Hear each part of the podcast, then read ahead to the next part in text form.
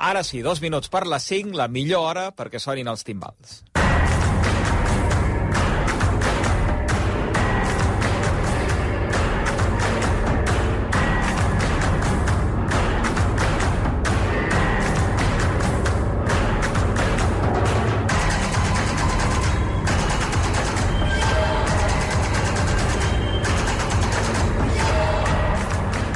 Perquè entrem en el món de l'ultrasports, en el superesports amb la Gemma Montero. La Gemma, bona tarda. Hola, bona tarda. És setmana de Transgran Canària, és setmana encara de Carnaval també a les eh, Canàries, que allà ho allarguen eh, bastant, i de festa del eh, trail, amb aquesta gran prova que no obre, però pràcticament la, la temporada de les grans eh, curses eh, llargues en el calendari. Eh? Sí, sí, ja pots dir que, que l'obre perquè és la primera del circuit Spartan, per tant, i és la gran, la gran, una, la primera gran eh, cursa de trail de la temporada a nivell internacional, perquè, a més a més, és una festa que dura quatre dies. No és només la clàssica, ara la repassarem, de 128 quilòmetres, sinó que hi ha diverses categories i tot en un dia no es pot fer. Per tant, des de divendres que ja hi havia gent que corria eh, per diversos llocs de, de, de, de Gran Canària. Però la clàssic, la prova reina, la gran, és la que deia de 128 quilòmetres i 7.060 metres de desnivell positiu. I en aquesta edició, la del 2023, la victòria ha estat per un català, pel de Collbató d'Andreu Simón, que ha guanyat en 13 hores, 39 minuts i 33 segons. Havia guanyat la marató l'any 2020 i 2021, però s'estrenava en aquesta distància. I 5 minuts després de l'Andreu creuava a la meta un nou vingut, el portuguès Miguel Arsenio, que ho ha fet en 13 hores, 44 minuts i 37 segons, i tercer ha estat el nord-americà Tyler Green en 14 hores ja, 6 minuts i 46 segons. La quarta posició per Raül Botassi, que és un corredor romanès afincat a Lleida, Mollerussa concretament des de fa ja alguns anys, en 14 hores i 15 minuts, i cinquè el Pau Capell, que com saps era un dels favorits, Sí. que buscava la seva cinquena victòria en la Transgran Canària, que és una prova doncs, eh, eh, molt estimada per ell, molt especial, i després explicarem què li va passar, però no ha abandonat, ha estat cinquè, per tant, prou bé després de les sensacions que tenia. L'Andreu Simón, doncs, eh, que era campió d'Espanya d'Ultra Trail fins avui, per cert, que s'ha celebrat el Campionat d'Espanya a Granada i ha guanyat l'Asturià Dimas Pereira i la basca Ollana Cortázar. En qualsevol cas, l'Andreu Eh, ahir va fer una gran cursa, una cursa que va començar, recordem, la mitjanit de divendres a dissabte i que ell va acabar doncs, 13 hores després i sobretot l'Andreu el que feia era complir un gran somni. Doncs el podem saludar i felicitar. Andreu Simón, bona tarda, enhorabona. Bona tarda. Encara vivint, m'imagino, la, la ressaca del gran dia, no? No sé com, eh, com és l'endemà d'haver guanyat la Transgran Canària. Pues és una barreja de moltes coses, però tant de bo durés molt aquesta ressaca. És una ressaca agraïda.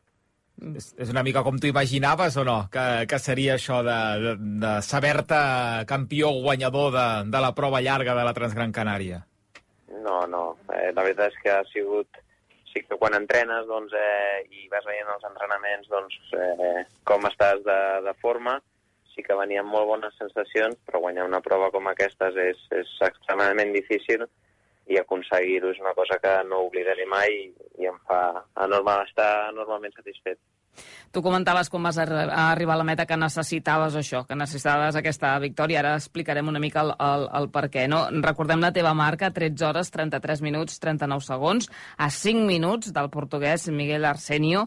Suposo que estàs satisfet. Ara ens expliques els detalls, eh? però mm, ja, ja, ja ho sabem que en el trail la marca és el de menys, però sí que es comencen a mirar els temps també. Estàs satisfet amb la cursa que has fet? Sí, sí, molt satisfet perquè tot i les petites incidències que hi van haver durant la cursa, eh, en cap moment vam tirar la tovallola i vam aguantar fins al final.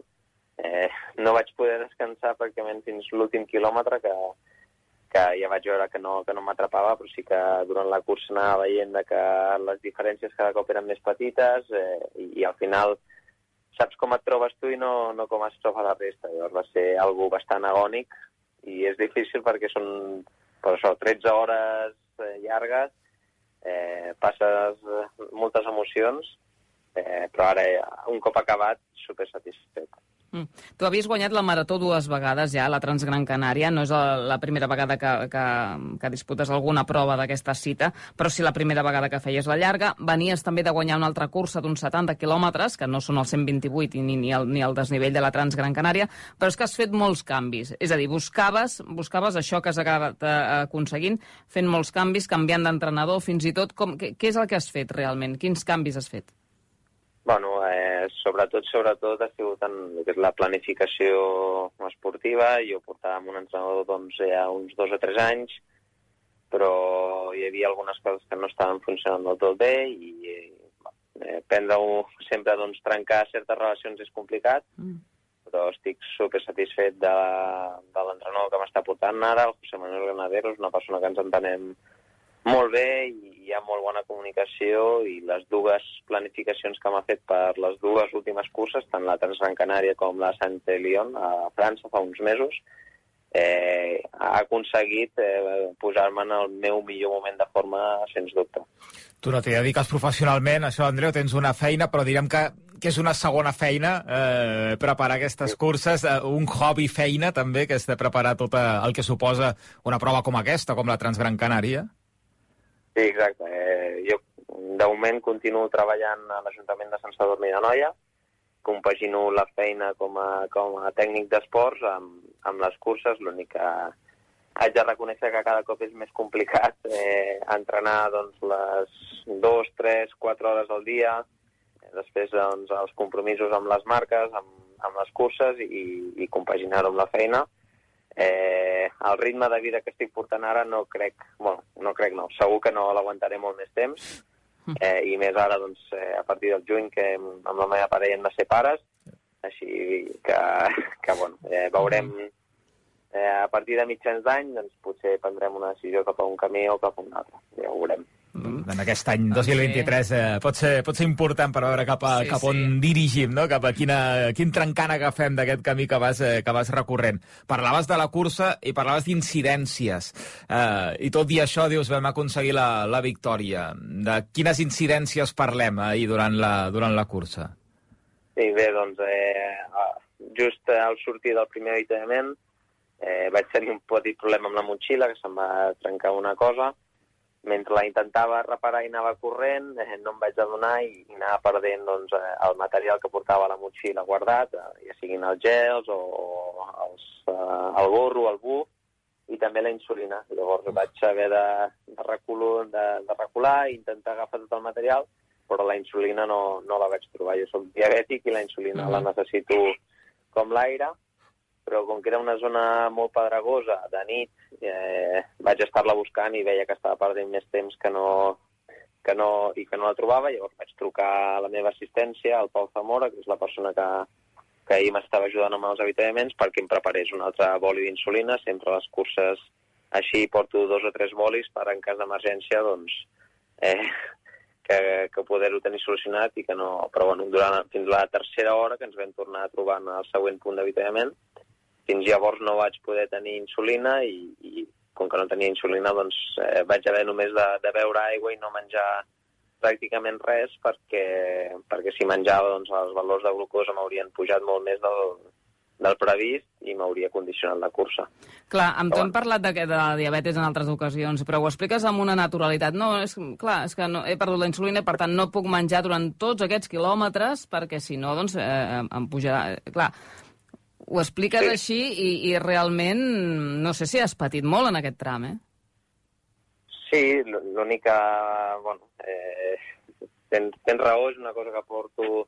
Ja són molts anys de diabetis i llavors eh, hi havia un problema, en aquell moment tenia un problema, però, però si el feia més gran o, o em saturava en aquell moment no, no m'hauria ajudat en res, per tant, doncs, eh, a persistir, a continuar, a no defallir i, tots els problemes tenen solucions, aquell també, doncs si no tenia insulina en aquell moment, però al cap d'una hora em podia tenir, doncs a intentar gestionar aquells moments de la millor manera possible, a no renunciar al que havia vingut a fer, que era lluitar per la victòria, i, i així va ser. Mm. Eh, el que dius de que ho explico amb naturalitat, doncs eh, aprofito ara també perquè en breu sortirà un, un llibre, un llibre. on d'alguna manera expliquem eh, totes aquestes aventures o desaventures que suposa diabetis i esport, i, bueno, entre algunes, doncs, eh, no és la primera vegada que m'he trobat amb episodis així.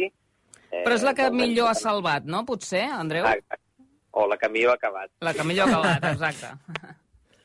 Sí, sí, no, no va acabar malament, no, realment no. l'aventura. La, Alguna altra incidència que vam veure que vas acabar allò tocat eh, la, la cursa? Jo què, sentit, va passar? He sentit un crit, eh, bueno, que el tinc una mica clavat, aquell crit, eh? Sí, sí, vam, amb, ja, no sé si el quilòmetre 105 o 110, eh, amb una zona molt fàcil, eh, muscularment ja estava molt cansat i, i doncs, eh, vaig entrebancar-me no sé com, ara estava mirant els vídeos per intentar veure si hi havia alguna pedra o, o què vaig fer, però vaig anar de morros a, a terra, per sort va ser només una mica de, de xapa i pintura, rascada del cos, però, però ja està, ho vam poder salvar també. És allò de que quan t'aixeques de, no, de comprovar que, a veure, tot està bé, tot està a lloc, va, vinga, que, que hem d'acabar d'arribar. Exacte, exacte. Eh, tinc la impressió que aquesta cursa, Andreu, eh, tothom ha sortit molt fort de des de l'inici, no? que, que s'ha apostat fort eh, i que després s'ha anat gestionant cadascú com podia, perquè tu has tingut el, el Raül Botassi, el romanès afincat a, a Mollerussa, mm, bueno, molt enganxat, o fins i tot eh, ell ha estat líder o, o primer durant molts quilòmetres, i, i, i que heu fet això, no? que s'ha apostat fort des de l'inici. Sí, sí, eh, la cursa... Jo també tenia la sensació que s'estava corrent molt, però clar, al mateix temps, eh, si saps que és només un corredor que se'n va sol, doncs mira, eh, et quedes més relaxat, però que era un grupet de 4 o 5 corredors que ens anàvem alternant el lideratge, quan no era un era un altre que posava un ritme viu, i pràcticament fins la sisena, setena hora eh, vaig estar bastant intranquil perquè, perquè veia que estàvem corrent molt i que, i que ningú defallia. Llavors, sí que, ostres, en el moment en què em vaig quedar sol, eh, li vaig dir a, a un dels controls, ostres, ja tenia ganes de córrer una estona sol perquè per, estar, per poder-me centrar-me en mi, escoltar-me el cos, eh, aviam com, com estava responent a, a tot el que m'estava passant i, i no estar tan pendent de, de la resta, d'aviam analitzant els rivals, aviam com pugen, com baixen, si, quan mostren algun signe de debilitat o no, perquè fins llavors eh, la gent va mostrar estar molt, molt forta. El temps us ha respectat? Ha estat una, una bona cursa en aquest sentit, a nivell meteorològic? Sí, sí, sí. Eh, a diferència d'altres anys, eh, a nivell de climatologia es va, es va poder córrer molt bé. Durant la nit no va fer el, el fred, el vent i la pluja que acostuma a fer a les parts més altes de la illa, i després l'última marató que passes per, per una zona molt, molt més calorosa i molt més exposada al sol, eh, normalment fa molta calor, els cops que havia corregut la marató aquí sí que recordava haver passat molta, molta calor i aquest any, per sort, eh, tot i ser al migdia, eh, no, no va fer aquella, aquella calor xafogant que t'ofega. Mm. En categoria femenina, Gemma, vam tenir exhibició de Cornidol Walter. De fet, va acabar setena de la, de la setena. general sí, sí, sí. homes i dones, eh? Sí, sí, sí. No, no esperàvem menys, perquè jo crec que és la millor corredora de trail internacional ara mateix, també eh, corredora d'àsics, com, com l'Andreu. 14 hores 40 minuts, setena de la General, i és la primera dona en baixar de les 15 hores a la Transgran Canària. Per tant, increïble, no, Andreu, el que ha fet la Corni? Al·lucinant. Per mi és la millor corredora d'ultradistància del món segur i jo crec que també de la història perquè fa una exhibició a una altra i els ritmes que està corrent, bueno, ja ho heu dit, eh, un temps espectacular i, i es va col·locar entre les 10 primeres, entre els 10 primers homes, mm. però és que no és la primera vegada que ho fa. No, no. Llavors, eh, bueno, mm, al·lucinant, aprendre'n, igual que... i admirar-ho, perquè igual que el Kilian i hem parlat molt del Kilian, doncs també és important donar veu a esportistes femenins que fan exhibicions com les que va fer la Kurn. Mm. Per on porta el calendari ara, Andreu, després de la Transgran Canària? Sí, el calendari... Ara tinc ganes de fer una cursa aquí a, a casa nostra, a la cursa dels matxos, a mitjans d'abril, i després maig eh, intentaré fer un parell de curses més abans no, si tot va bé, a, a principis de juny hem de ser pares, per tant... Aquestes amb el mòbil ben connectat, eh? Fes-les, Andreu, no fos cas, eh? Sí, sí, això, per això et dic que ho haig de, hem de calcular molt bé i hem d'anar-ho veient en funció de l'evolució de com vagi tot plegat. Eh, sortiré més o sortiré menys i, i després segur que eh, a finals d'agost eh, Ah, anirem un altre cop a la, a la CCT UTMB. Però fins Vale. llavors eh, tot eh, el calendari el marcarà no el marcaré jo, el marcarà... Una tercera eh, persona, no? Exacte. que està per arribar. Bueno, escolta'm, eh, el 2023 eh, seràs pare, escrius un llibre, has plantat l'arbre ja? Sí, l'arbre el vam plantar quan, quan vam anar a viure junts a, a la casa. A la casa que us vau fer allà a Collbató, no? Ah, exacte. Allà vam plantar un arbre i va ser un... Escolta'm, Feina feta ja. ja, feina feta, i jo crec que la Transgran Canària convalida també altres coses, però... Feina feta. Això. Veus? Sí. Això està bé. Molt, Està bé. Molt, molt content de com estan anant les coses. Eh, em sento molt afortunat de tenir l'entorn que tinc, eh, perquè so, ara mateix eh, puc, eh, només puc dir que, que sóc molt feliç i que em sento això, eh, molt content de poder estar vivint el que visc. Doncs, Andreu, acabar-ho de, de celebrar. Bon viatge de tornada cap a casa.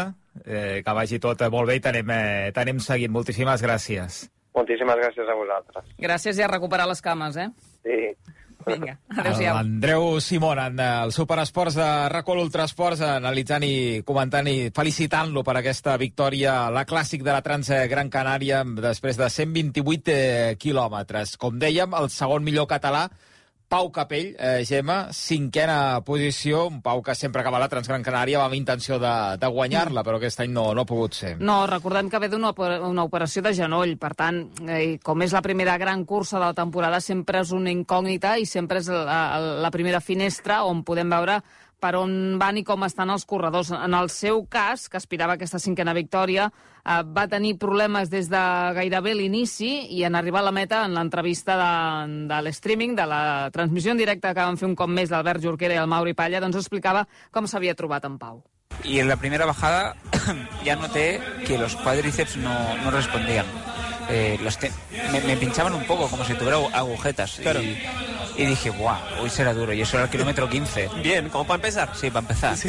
Y ya a partir de aquí los cuádriceps los tenía un poco agarrotados y las bajadas aquí en Gran Canaria son de piedra y ya noté que era que sería imposible correr como Dios manda. Y le decía a Laura, ¿no? Le decía, es que voy con la tercera puesta y no puedo poner la cuarta. Es- Claro. no, no me deja el cuerpo. Sí. Y, y, pues bueno, lo que tenía claro es que iba, iba a continuar. Iba a continuar porque no, No. no- sería una falta de respeto para la gente pues no, no, no haber terminado. Jo al quilòmetre 15. De havent 128, havent de eh? fer 128.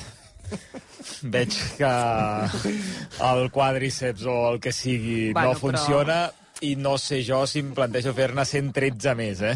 Va, són corredors, de- és com els eh, pilots de motos. Sí, sí, sí. Són d'una altra pasta. Doncs és això. I, I està bé el que diu, diu per respecte Per a la gent i a la per gent de l'organització, clar, evidentment, clar, que tant sí. li ha donat també aquesta prova amb ell, no? A la Totalment. Transgran Canària, a Pau, a Pau Capell. To- Totalment, totalment. I, ha- I ha estat això. Podia haver abandonat i demanar disculpes i, mira, no em trobo bé, no puc continuar, però eh, ha seguit fins al final i una cinquena posició. No Sí, és una sí. victòria, però, carai, està molt bé. Pel que fa a les dones, abans ho dèiem, eh? Victòria per Courtney de Walter amb 14 hores 40 minuts, primera dona que baixa de les 15 hores. De fet, mira, la segona dona eh, que ha estat la Jasmine Lauther, ho ha fet en 16 hores 26 minuts. O sigui, una barbaritat el que ha fet la Courtney de Walter. I la tercera, una catalana, la Clàudia Trems, amb 16 hores i 33 minuts. Escoltem el que deia Courtney de Walter, la guanyadora en dones d'aquesta Transgran Canària Clàssic. It was so hard.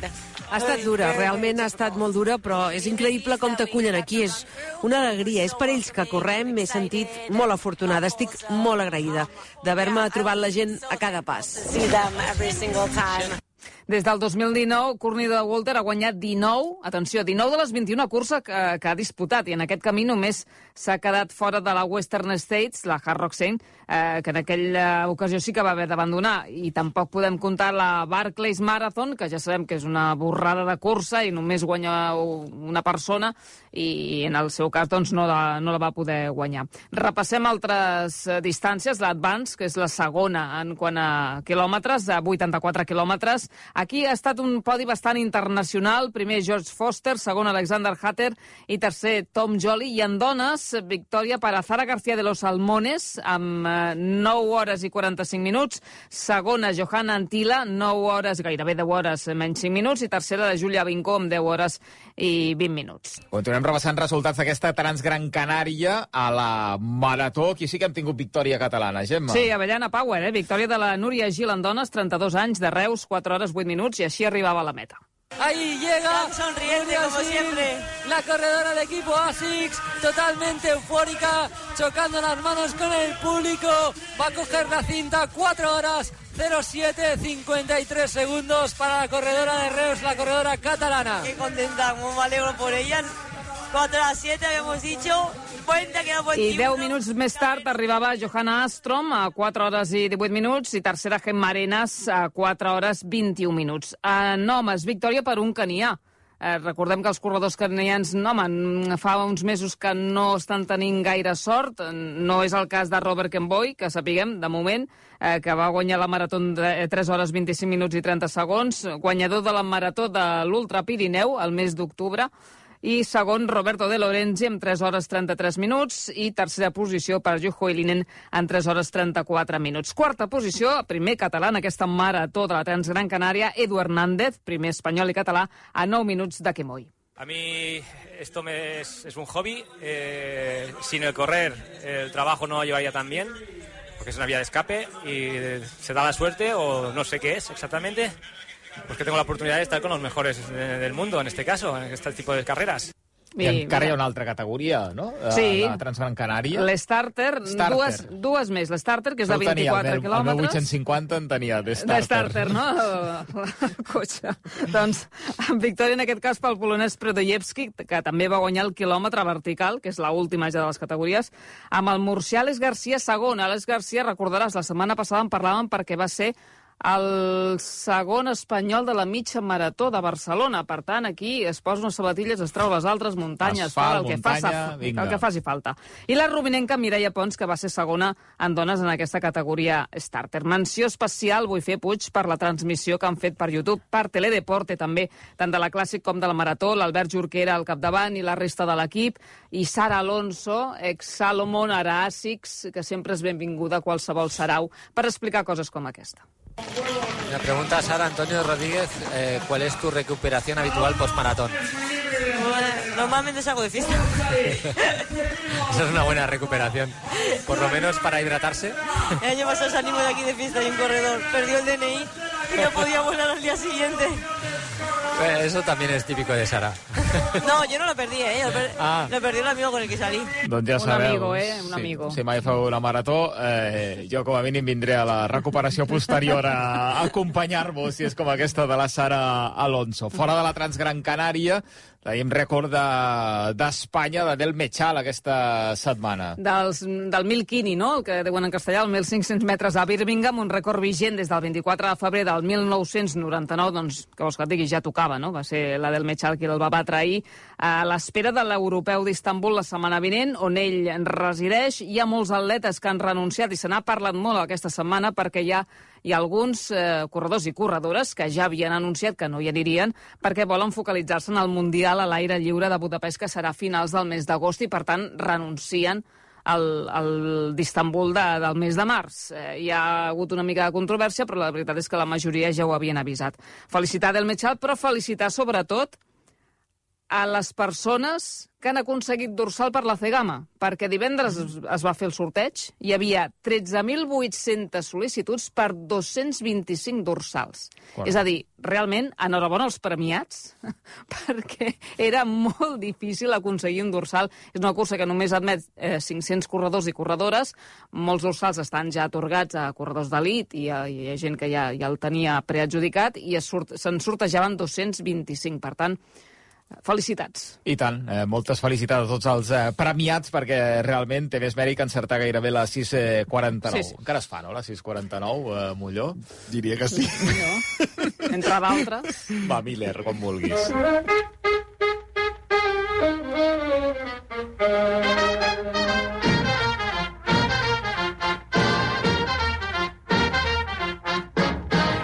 Sona Glenn Miller, això vol dir que arriba el gran Miquel Pugurull per tancar l'Ultrasports, avui fent recompte de curses realment atípiques. Amigues i amics, quan va esclatar boom del córrer, fa uns 40 anys, les curses que se celebraven tenien un format clàssic, en circuits sense gaire dificultat. Aquesta era la premissa. Però vet aquí, com que als humans ens agrada posar-nos a prova, aviat van sorgir carreres insòlites. No tinc res en contra d'esdeveniments atlètics no convencionals. Qualsevol prova que estimuli l'afició a córrer em sembla fantàstic. Amb tot, em meravella saber que es faci a Califòrnia una ultramarató de 217 quilòmetres en ple mes de juliol, a 50 graus durant el dia i per sota dels 10 per la nit, pujant i baixant muntanyes amb un desnivell de 4.400 metres. O maratons, com la de la Gran Muralla de la Xina, amb més de 5.000 esglaons i on la calor entre 30 i 40 graus no dona treva. O l'ultra de més de 500 quilòmetres que es corre al Canadà, al Cercle Polar Àrtic, amb una temperatura de 30 graus sota zero, on l'alè es deu gelar. Existeix una bona relació de curses extremes com aquestes, i també de curses exòtiques. N'hi ha una a la sabana africana, on es corre al costat de lleons i girafes. N'hi ha una altra on els avituallaments donen vi en lloc d'aigua. N'hi ha una on es corren pilotes. N'hi ha una on... Ja en parlarem un altre dia. La proliferació és infinita. Fins al cap de setmana que ve, correu o corrinyeu molt. Doncs fent-li cas al Pucurull, Ojo, eh? ja sabeu Ojo. eh, que us podeu apuntar per, per varietat no serà de curses eh, diferents. No, i et diré una cosa, ben aviat en parlarem d'aquestes curses, eh? De curses nudistes, per ser exactes. Curses nudistes. Sí, sí, sí. No, perquè és, és interessant. Per- On et poses el dorsal? Oh. Ah, no, penseu, ho sabíeu tot, eh? No, no, te'l dibuixes al pit, te'l pintes al pit. Ah, bueno, on vulguis, o a l'esquena. Però amb la suor es pot Bueno, esborrar, no? o no. És permanent. Sí, permanent, sí, no? sí. I se'n fa una molt coneguda al País Basc, a Sopelana, i, i aquí a Catalunya també. Hospitalet de l'Infant, al Fonoll, per exemple, que és un poble nudista. Sí, home. Doncs jo estic pensant ja fer una cursa paral·lela a la cursa RAC1, eh? Mira, li direm a en Jo? Jaume Paral, Sí. eh, que és eh, runner. a Jo aniria si, pensant, ja. Si, si veu eh, la I vosaltres cursa, també, eh? Vosaltres també. La cursa nudista de, de RAC1. RAC1 en pilotes. RAC1 pilota. Sí, sí, sí. Gemma, la setmana No. que ve més. Fins Més. ara. Adéu-siau.